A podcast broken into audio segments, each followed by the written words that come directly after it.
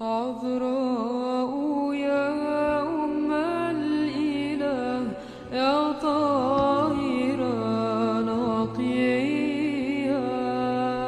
La det forgjengelige lys fra din åpenbaring skinne i våre hjerter, o menneskekjære Herre. Måtte du opplyse våre sinn når vi leser om dine hellige tjenere.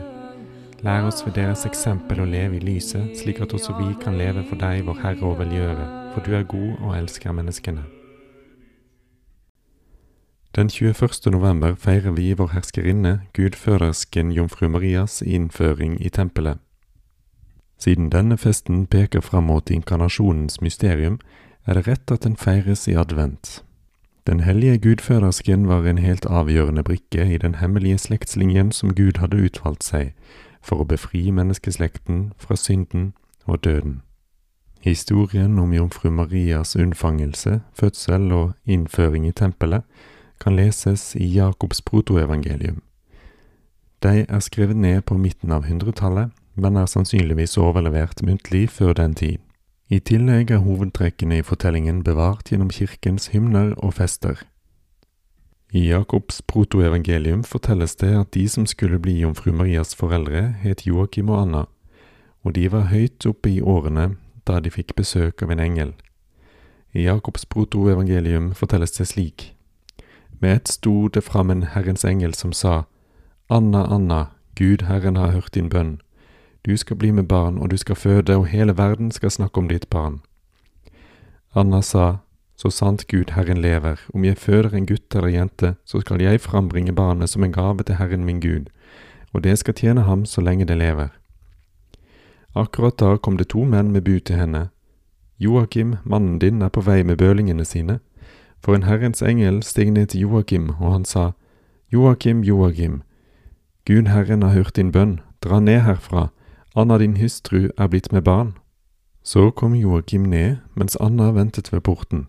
Da hun så Joakim komme, sprang hun og kastet armen om halsen på ham og sa, Nå vet jeg at Gud Herren har velsignet meg stort, jeg som var enke er det ikke lenger, og jeg som var barnløs er blitt med barn.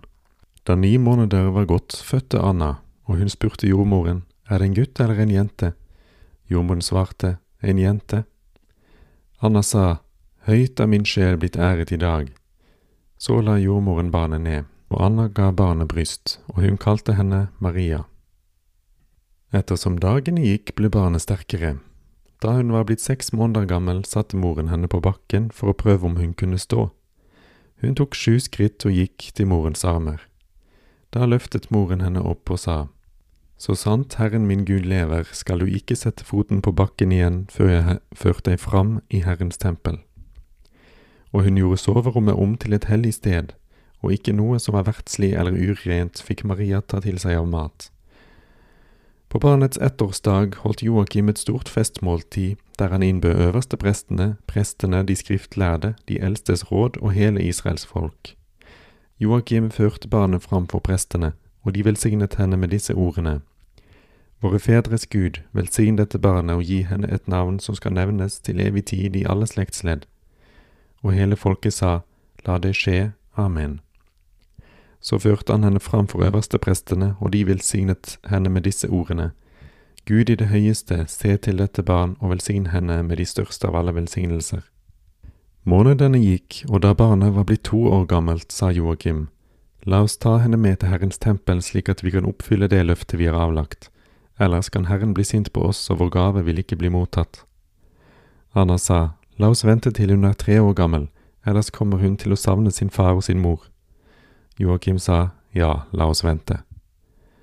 Barnet ble tre år gammelt, og Joakim sa, La oss sende bud på hebreernes rene døtre. Hver av dem skal ta med seg en lampe og holde den tent, slik at barnet ikke snur seg tilbake og lar sitt hjerte bli fanget av noen ting utenfor Herrens tempel. Og slik gjorde de hele veien til de nådde fram til Herrens tempel. Presten tok imot henne, kysset og velsignet henne med disse ordene. Herren Gud har gjort ditt navn stort i alle slektsledd. Ved deg vil Herren åpenbare forløsningen for Israels barn i de siste dager. Og han satte henne ned på alterets tredje trinn, og Herren kastet sin nåde over henne, og hun danset, og hele Israels hus elsket henne. Foreldrene dro sin vei forundret og priste og lovet Gud, Herren, fordi barnet ikke hadde snudd seg etter dem, og der i tempelet ble Maria matet som en due og fikk sin føde fra en engels hånd. I sin 53. homilie skriver hellige Gregor Palamas da slik den hellige jomfru hadde forlatt verden, sine foreldre og hvert bånd til det sanselige, bodde hun i tempelet til hun var blitt tolv år. Da hun nå var blitt gifteferdig, fryktet prestene og de eldste faktisk at hun skulle vanære helligdommen, og de betrodde henne til den kyske Josef, for at han skulle være hennes jomfruelighetsvokter ved å foregi og være hennes forlovede.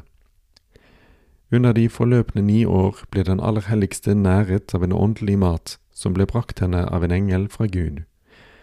Hun førte et himmelsk liv som var høyere enn våre første forfedres i paradis. Uten bekymring, uten lidenskap, utover naturens behov og sanselige lysters tyranni, levde hun for Gud alene, med sitt sinns tanke hvert øyeblikk rettet mot betraktningen av hans skjønnhet. Ved stadig bønn og årvåkenhet over seg selv fullførte det hellige barnet i løpet av dette oppholdet i tempelet å rense sitt hjerte til å bli et rent speil hvor Guds herlighet gir gjenskinn. Hun iførte seg dydenes strålende pryd, liksom en forlovet, for å beredes til den guddommelige brudgommens Kristi komme i henne. Hun oppnådde en sådan grad av fullkommenhet at hun i seg sammenfattet all verdens hellighet, og etter at hun var blitt Gud lik i dyd, tiltrakk hun Gud til å gjøre seg menneskelik i sin inkarnasjon. Som inntrådt i helligdommen i den alder da andre barn begynner å lære, hørte den aller helligste fra helligdommens dyp hver sabbat de lesninger fra loven og profetene som skjedde for folket i tempelets offentlige del. Ved ensomhet og bønn fikk hun ånden utviklet og nådde slik til kunnskap om den dype mening med Skriftens hemmeligheter. Ved å leve blant hellige ting og betrakte sin egen ringhet forsto hun hva som hadde vært Guds plan gjennom hele hans utvalgte folks historie. Hun forsto at all den tid hadde vært nødvendig for at Gud skulle berede seg en moder i denne opprørske menneskehet, og at hun som Guds utvalgte, rene barn skulle bli guddommens sanne levende tempel. Satt på dette meget hellige sted, hvor Guds forgjettelsers tegn var henlagt, var jomfruen en åpenbaring om at det var i hennes person at forbildene skulle fullbyrdes. Det er henne som er helligdommen, Guds ords tabernakel, den nye paktens ark, det karet som inneholdt de himmelske manna, Arons blomstrende stav og lovens tavler. Det er i henne at dekket over de uklare profetier borttages. Hun er den stige som forbinder jord og himmel, som ble sett av patriarken Jakob, skystøtten som åpenbarer Guds herlighet, den lette skyen hos profeten Jesaja, det uthogne fjellet hos Daniel, den lukkede porten hvor gjennom Gud er kommet for å besøke mennesker hos Esekiel, den levende og beseglede kilde som har latt det evige livs vann springe framover oss. Ved åndelig å betrakte disse undre som skulle finne sted i henne, uten ennå klart å forstå hvordan de skulle fullbyrdes, rettet den aller helligste sin bønn og forbønn til Gud med enda større styrke om at Herren måtte skynde seg å virkeliggjøre sine løfter og å frelse menneskeslekten fra døden ved å komme og bo blant menneskene.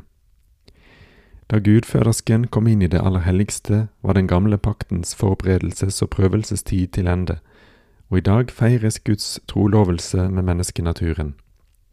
Se, derfor gleder Kirken seg og oppfordrer alle Guds venner til at også de må trekke seg tilbake i deres hjertes tempel for der å berede Herrens komme ved taushet og bønn, idet de drar seg tilbake fra verdens fornøyelser og bekymringer. I dag antydes Guds velbehag, og menneskenes frelse forkynnes. Jomfruen viser seg åpent i Guds tempel og bærer bud for alle om Kristus. Så la oss juble for henne, fryd deg, oppfyllelsen av Skaperens forsyn.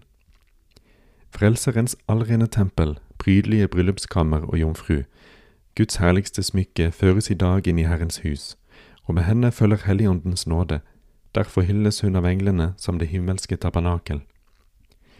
Dronningen står ved din høyre hånd, hennes kledning er gjennomvirket av gull. Vi høylover deg, allhellige jomfru, som er utvalgt av Gud, og vi ærer din inntreden i Herrens hus. Englene falt i undring over din inntreden, allrene jomfru, hvor ærefullt du skrider inn i det aller helligste. Dette er Guds besjelede ark, som ikke må berøres av syndige hender, men med tro vil vi uavlatelig besynge gudfødersken og stemme i med englenes glade bud. Sannelig er du den herligste av alle, rene jomfru.